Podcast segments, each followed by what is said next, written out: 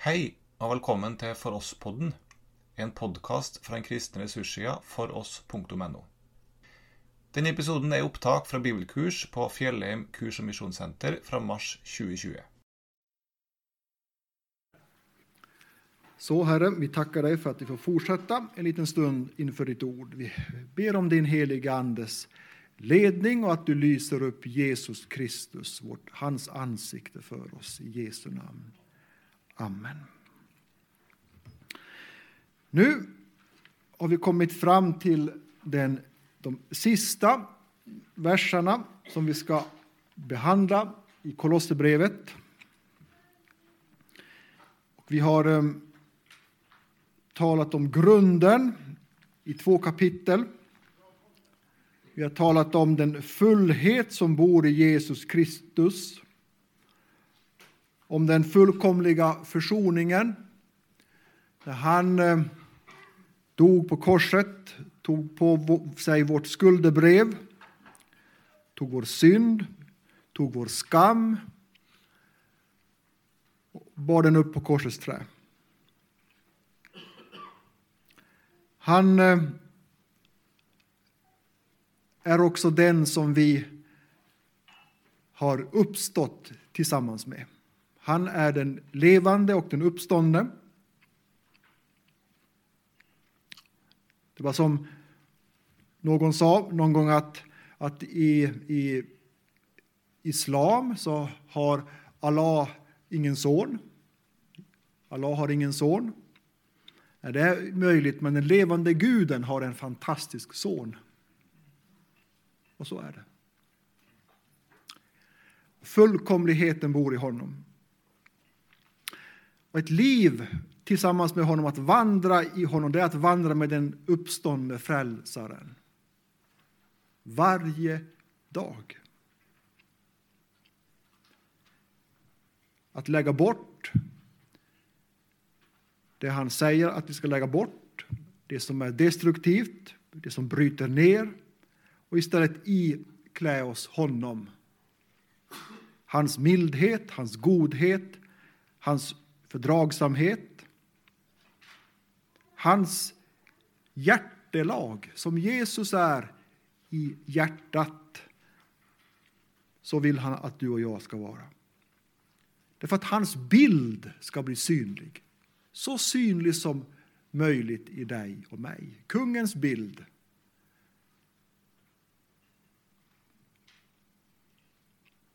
Det handlar heliggörandet om, helgelsen om.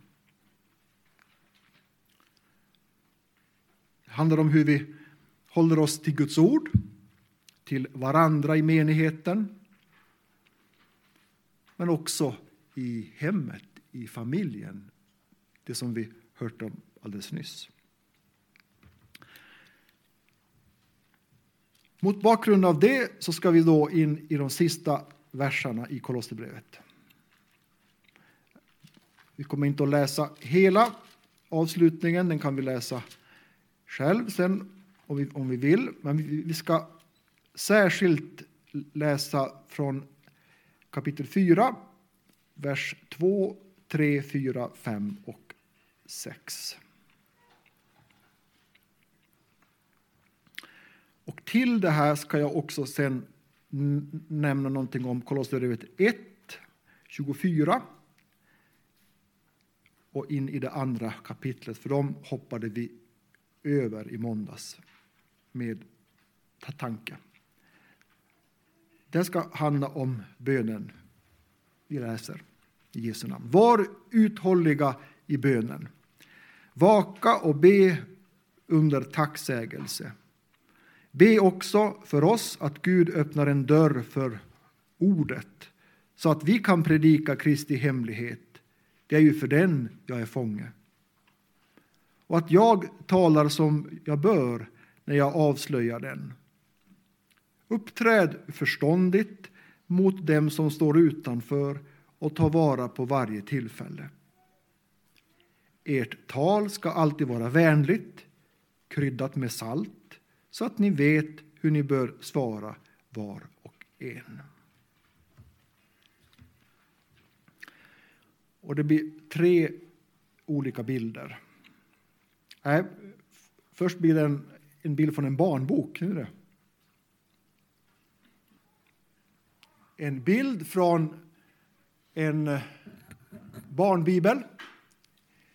Den barmhärtige samariten som ödmjukar sig över den hjälplösa mannen.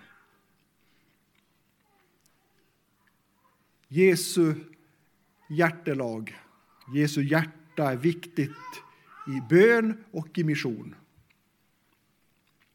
I bön och arbete. Och viktigt att, att man framför allt bevarar sitt hjärta. Varför? Jo, därför att livet utgår därifrån.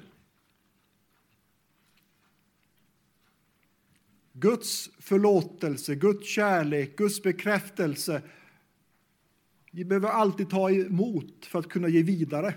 Det är gången, matematiken i Guds rike. Vi behöver ta emot för att kunna ge. Därför ska vi bevara, framför allt bevara vårt hjärta.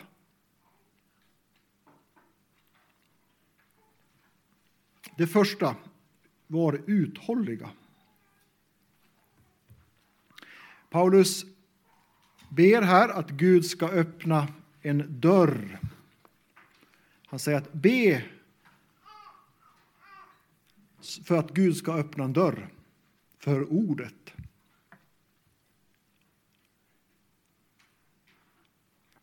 Det är verkligen så. Att om inte Gud öppnar en dörr så går det inte. Hur mycket vi försöker, det går inte. Han måste öppna. Jag vet inte hur många gånger Jesus säger det här att ingen kan komma till mig om han inte får det som gåva av Fadern. Johannes 6. Ingen kan komma till mig om han inte får det som gåva av Fadern. I samma kapitel säger Jesus Ingen kan komma till mig om inte Fadern som har sänt mig drar honom. Gud drar människor till sig. Guds kärleksrep, som det står i profeten Hosea. Kärlekens rep drar Gud med. Du som är här idag tillsammans med mig, vi har alla blivit dragna hit. Det är en nåd, det är en gåva. Guds kärleksrep har dragit oss hit. Det här gäller för individen på personnivå, enskilda, enkla individer. Det gäller också platser, byar, städer, länder. Be att Gud öppnar en dörr. Herren är den som öppnar dörrar och hjärtan, ska det stå där. Herren är den som öppnar dörrar och hjärtan.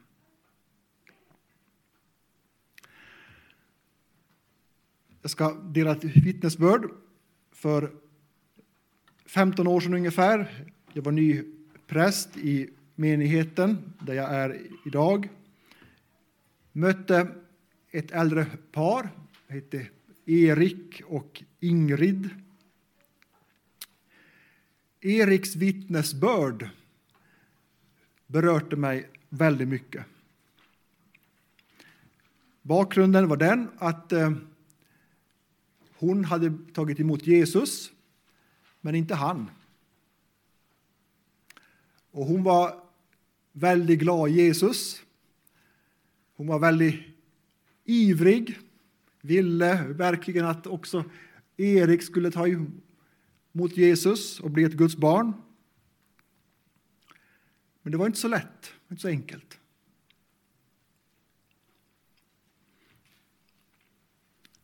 Första tiden när Ingrid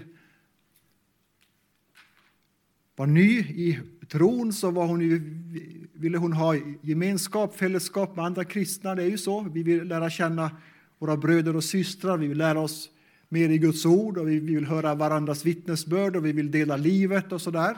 Det är ju så, det är ju fantastiskt. Och de hade också besök i hemmet väldigt ofta. Och ibland i de samtalen så, så lyfter ju samtalas det, men Erik, vill inte du också ta emot Jesus? Och han har varit besvärat, besvärt av det där. Så Erik han börjar liksom bygga mur, stålsätta sig liksom mot det där. Han berättar det här. Och så gick det månad, något år. Gud sökte honom, Gud drog i honom och han så här emot. Och så berättar han att hans fru frågar honom, ja, vi, jag ska på möte ikväll och vi får nattgäster, är det okej? Okay? Och så säger Erik, ja det är okej. Okay. Men så tänkte han, nu blir det igen och så här, ni vet, ikväll. Gäster, de här eh, gästerna kom och de satt och samtalade och delade gemenskap och kaffe och bullar och allt sådär som man gör i Tornedalen och i Norge.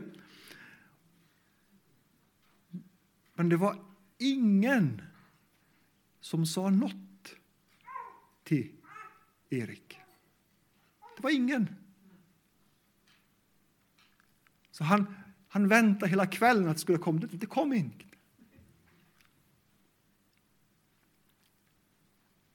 Men sen på natten så fick han nöd. Han fick nöd. Han tänkte att Gud kanske inte kallar honom mer. Att Guds kallelse, Guds besökelse är på väg bort från honom. Så tystnaden, det var den bästa predikan han behövde. Och på morgonen, då var hjärtat öppet. Och jag vet inte om det var samma dag eller dagen efter, men väldigt nära den händelsen, så lämnade han sig också till Jesus. Idag är han hemma hos Herren. Ingrid lever, eh, 90 år. Det går inte om inte Herren öppnar en dörr. Ett hjärta. Berättelsen från Apostla, Apostlarnas gärningar, kapitel 16. Paulus predikar i Filippi. Det kommer en dam som heter Lydia från Tyra. Och så står det i vers 14 och 15 att när hon lyssnade öppnade Herren hennes hjärta. Och hon tog till sig det som Paulus sade. Och alla i hennes hus blev döpta.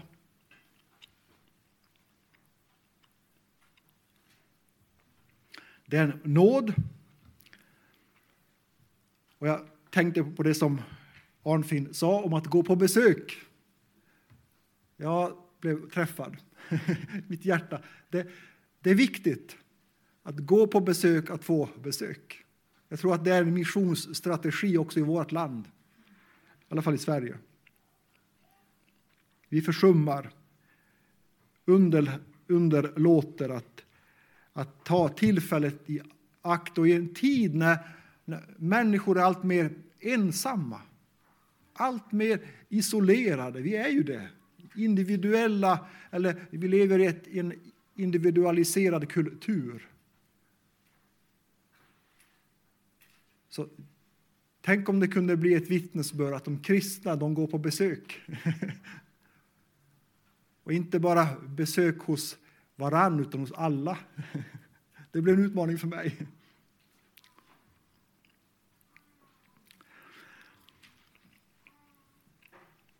I samtal så kan Herren också öppna ordet. Och ibland också när man är tyst. I första Korinthierbrevet 16 och 9 så är Paulus, han skriver brevet, han är i Efesos, och skriver han där att han ska stanna till pingst. Så det, eftersom en dörr står öppen för mig, säger han. Han vill stanna där därför att Herren har öppnat en dörr. Han säger också sen vidare en, en dörr till ett stort och omfattande arbete. Och sen säger han, och motståndarna är många. Jag tänker det här också är någonting som, som vi behöver ha med oss. Och det, det har vi hört om idag också, om, om Kenya. Men också i Sverige, Norge. Att när Herren öppnar en dörr, då är det mycket arbete, men också motståndare som är många. Det finns någon som vill förhindra, som vill stoppa, som vill lägga käppar i hjulen. Men Herren står med oss. I Guds ord så används ju profeten Elia som en förebild på en man med en uthållig bön. Det är från, från eh, Jakobs brev där det står att han är en förebild. Det står där 5, 17, 18. Elia, som också fick lida, bad en bön att det inte skulle regna. Och det regnade inte över landet under tre år och sex månader. Och när han sedan bad igen gav himlen regn och jorden bar sin gröda. Bakgrunden till den här texten, eller det här korta som Jakob lyfter upp, det finns ju i Första Kongabok. Och jag tänkte att det finns en liten del där som, som vi behöver komma ihåg när vi ber. För det är ju faktiskt så att vi får vara väldigt, väldigt uthålliga. Och vi behöver vara uthålliga när vi ber. Både när vi ber för enskilda människors frälsning, när vi ber för vår menighet, vår by, men också för situationen i våra länder. Att vi behöver komma ihåg och ta hjälp, ta stöd, ta inspiration också från skriften. Och där är profeten Elia en sådan. Och vi ska läsa från första Kungabok 18, 41-45. Kan vi få upp den på tavlan? Det vore fint. Så, tack. Elias sa det till Ahab, eller Akab. Bege dig upp och bege dig dit, bege dig dit upp och ät och drick, för jag hör bruset av regn. Då begav sig Akab upp för att äta och dricka. Men Elias steg upp på Karmels topp och böjde sig ner mot marken med ansiktet mellan knäna. Han sade till sina tjänare, gå upp och se utåt havet. Han gick då upp och såg ut över havet, men sade, jag ser ingenting. Sju gånger sade han till honom att gå upp till att gå tillbaka. När han sedan kom dit sjunde gången sade han, se, ett litet moln som en mans hand stiger upp ur havet. Då sade han, gå och säg till Akab, spänn för och far ner så att inte regnet håller dig kvar. I ett nu blev himlen mörk av moln och storm och ett kraftigt regn föll. Här är profeten Elia i böneställning, en märklig böneställning.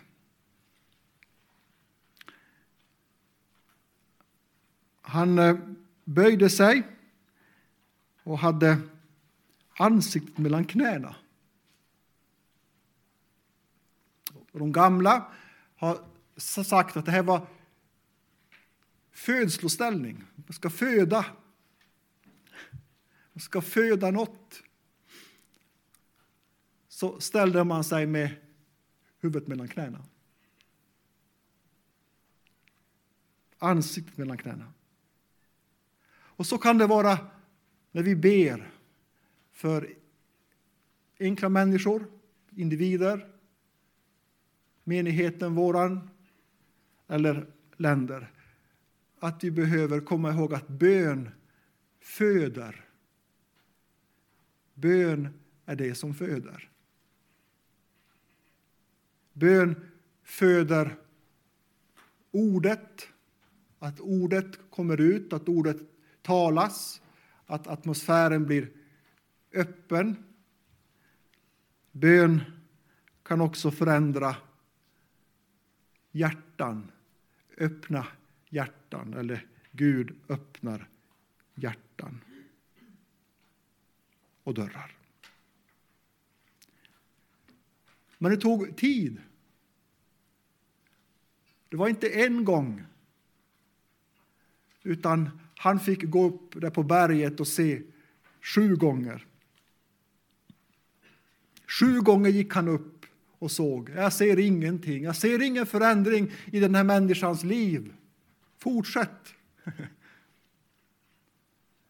Ja, men nu håller jag på att bli trött. Jag ser ingen förändring. Det blir bara värre. Jag fortsätt. Och sen kom den där dagen när han såg ett litet moln, inte större än en mans hand. Det är nästan som den där fågeln som sjunger fastän det fortfarande är mörkt, som vi pratade om. Den där fågeln som sjunger fast det fortfarande är mörkt. För fågeln vet att ljuset är på väg. En uthållig bön, den föder.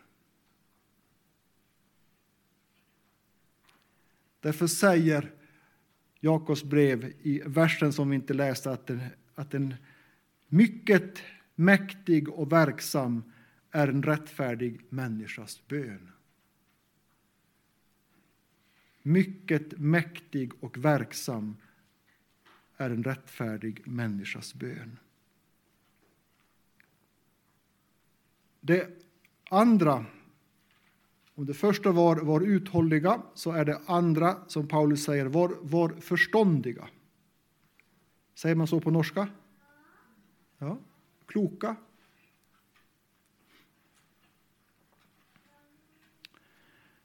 Var förståndiga i umgänget med dem som står utanför. Bygga relation har vi hört är viktigt.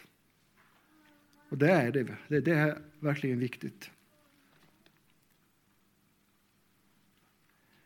Jag träffade en ung präst för några år sedan som helt... Eh, han hade ingen kristen bakgrund.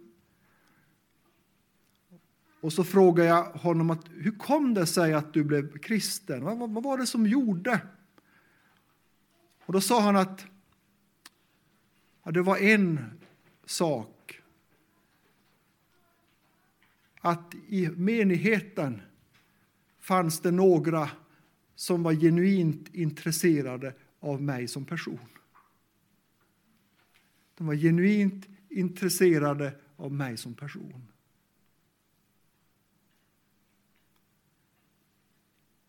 Det var ett vittnesbörd för mig.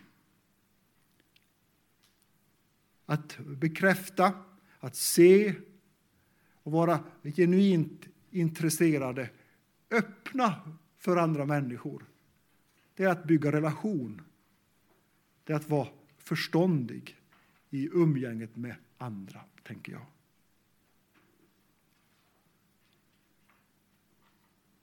Den här bilden, jag vet inte om den är från Tornedalen, men det kanske är från Troms, jag vet inte. Ute på, på isen, på älven, är det två fotspår, i, inte i sanden, men i snön. fotspår i snön. Där man samtalar och bygger relation. Och ibland så får man sitta timmar på stråmattan och, och samtala. Vara uthållig och förståndig. Ta vara på varje tillfälle, säger Paulus. Vittna alltid, ibland med ord.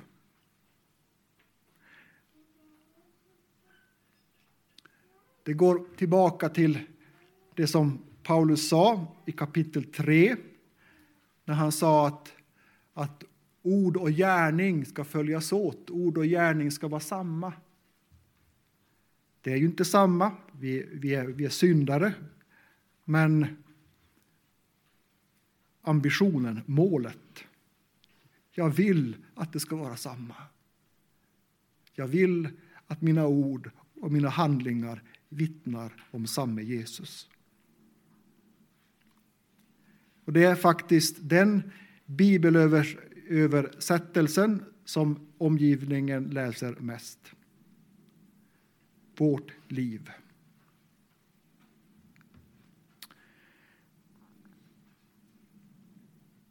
Det tredje här, ta, tala alltid vänligt. Och så står det krydda taet med salt.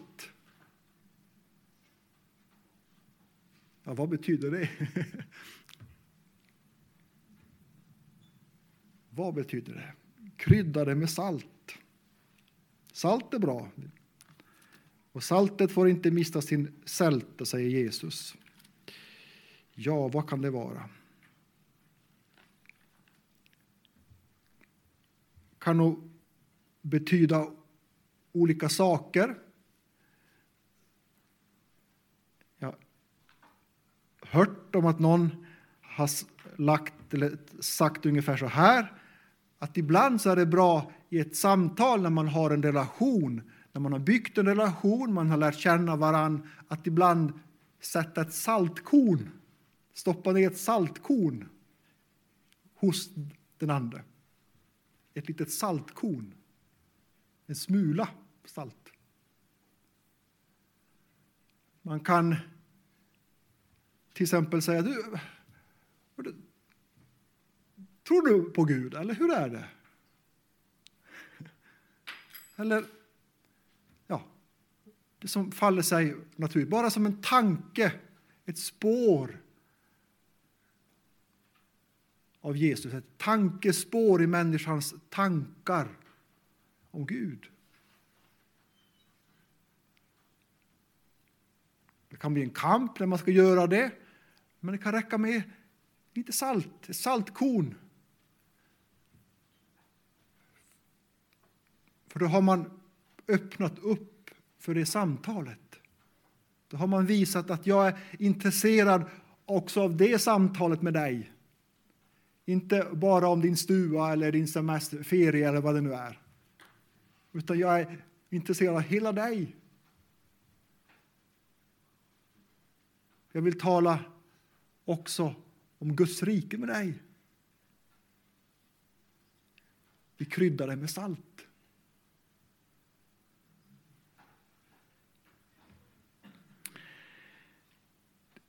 Den sista bilden för mig blir den här. Den tredje uppmaningen, vaka och be. Och då står egentligen under tacksägelse. Då, då, vi ska ha med det. Under tacksägelse.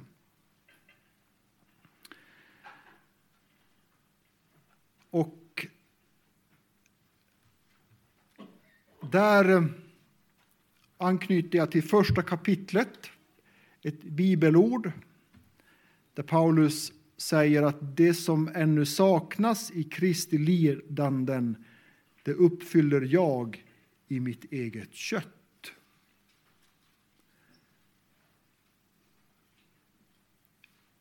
Vad kan menas med det bibelordet? Har inte Kristus lidit färdigt?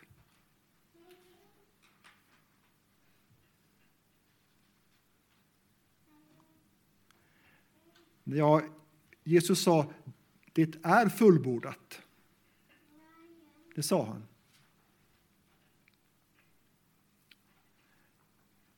Men att, eh, att leva som Guds barn, att följa Jesus, det innebär också en smula lidande och smälek. Därför behöver vi, precis som, som Josef, ett mjukt hjärta men en hård panna. Vi behöver vara beroende av Guds bekräftelse, inte av människors bekräftelse främst. Alla kommer inte att applådera till oss, alltid. Att be, att arbeta, det följer liksom med att man ibland också får lida. Och Paulus, hela Kolosserbrevet handlar ju om det, som ett fångenskapsbrev. Han sitter i Rom. Men han lider inte själv. Utan han lider för Kristi skull. Och han delar det med Kristus själv. Det vittnesbördet har vi från apostlarnas gärningar. När eh, Paulus får möta Jesus på Damaskusvägen. Och eh, han blir slagen till marken av ljusskenet. Och så frågar Paulus, vem är du? Och säger han, jag är Jesus, den som du förföljer. Så nära var Herren Jesus sin menighet, sin kropp. Han är huvudet, säger Paulus i Kolosserbrevet, för kroppen. Det är ju, det är ju klart han delar lidandet med Paulus också. Han delar det som du och jag får möta ibland med oss, han är med oss och vi får bära det ibland som ett kvitto. Ett kvitto på att, att det måste finnas liv i dig och mig. Ett liv som världen inte alltid tål och klarar av. Ett evigt liv. Ett ljus som inte är från dig och mig utan som är från Jesus, han som är världens ljus. Och det ljuset får vi stråla, genomstråla och reflektera ut i vår omgivelse. Så vaka och be under tacksägelse, också då när någon står oss emot.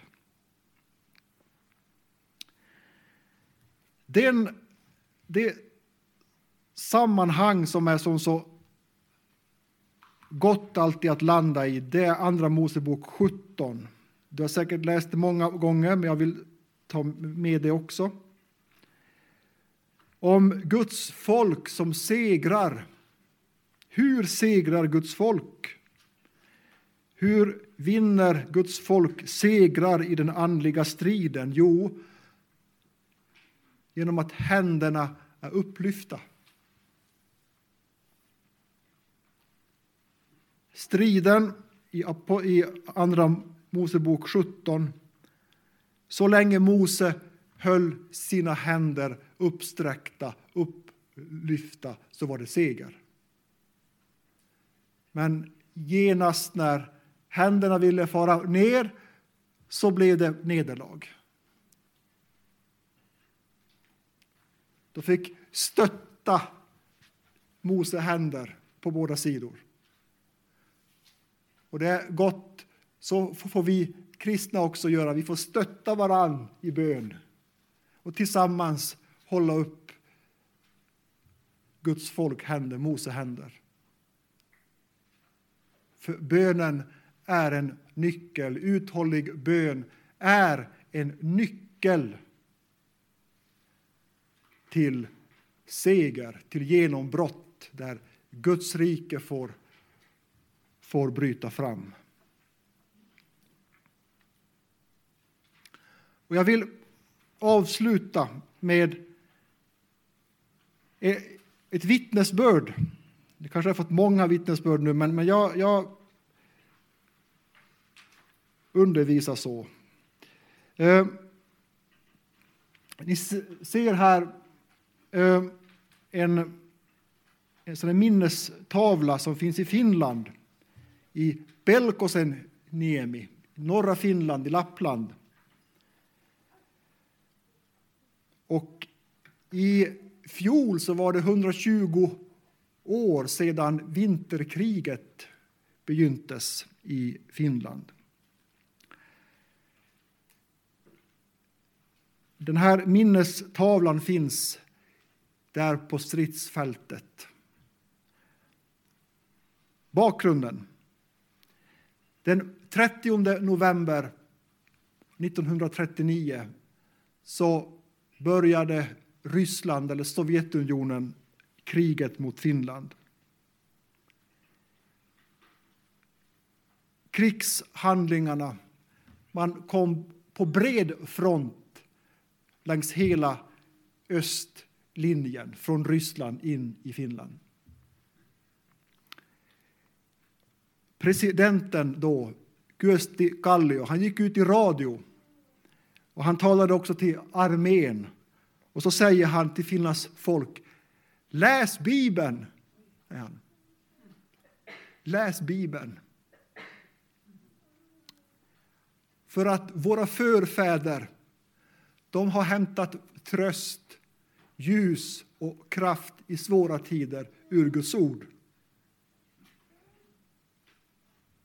Nio dagar senare, efter krigsutbrottet, så hade den ryska röda armén kommit ganska långt in i Finland. Deras mål var att gå ända till den svenska gränsen. Den ryska armén var stor. Det var 20 000 man, 20 000 soldater. Det var stridsvagnar, det var kanoner. Och på något ställe hade Finland lidit nederlag. Så i bataljonen där så fanns det mot 20 000 män 1 500 finska soldater. Ni vet proportionerna. Det var David mot Goliat.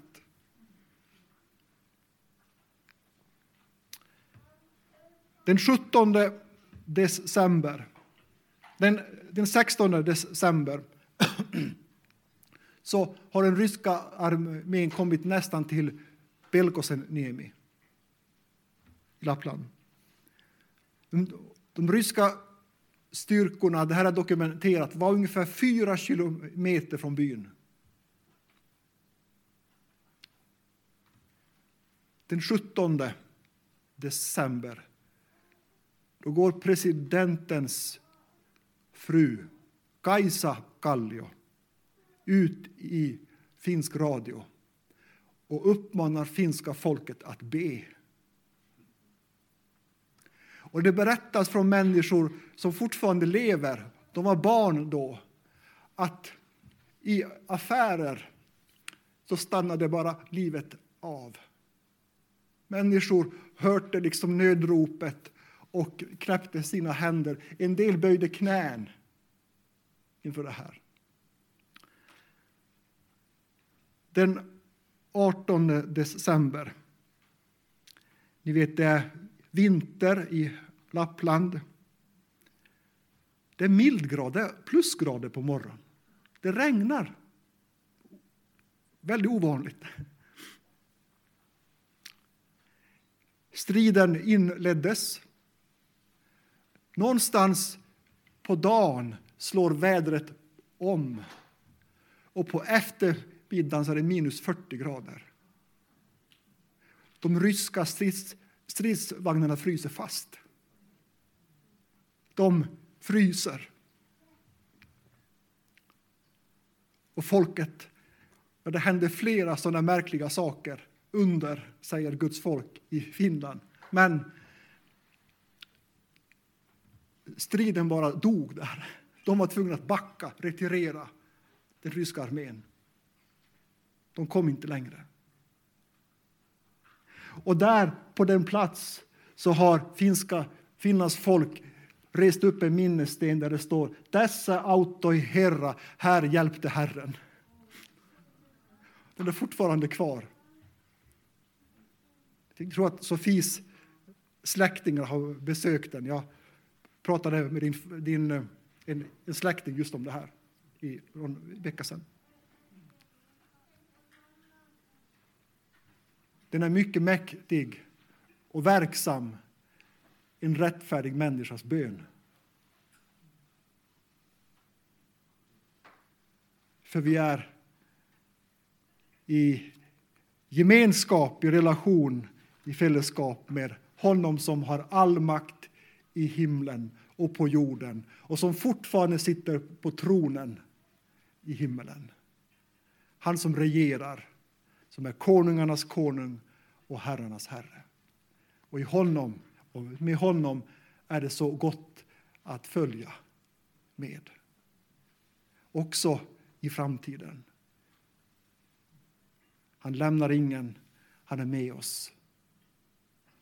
Han leder dem som går bedjande fram. Amen.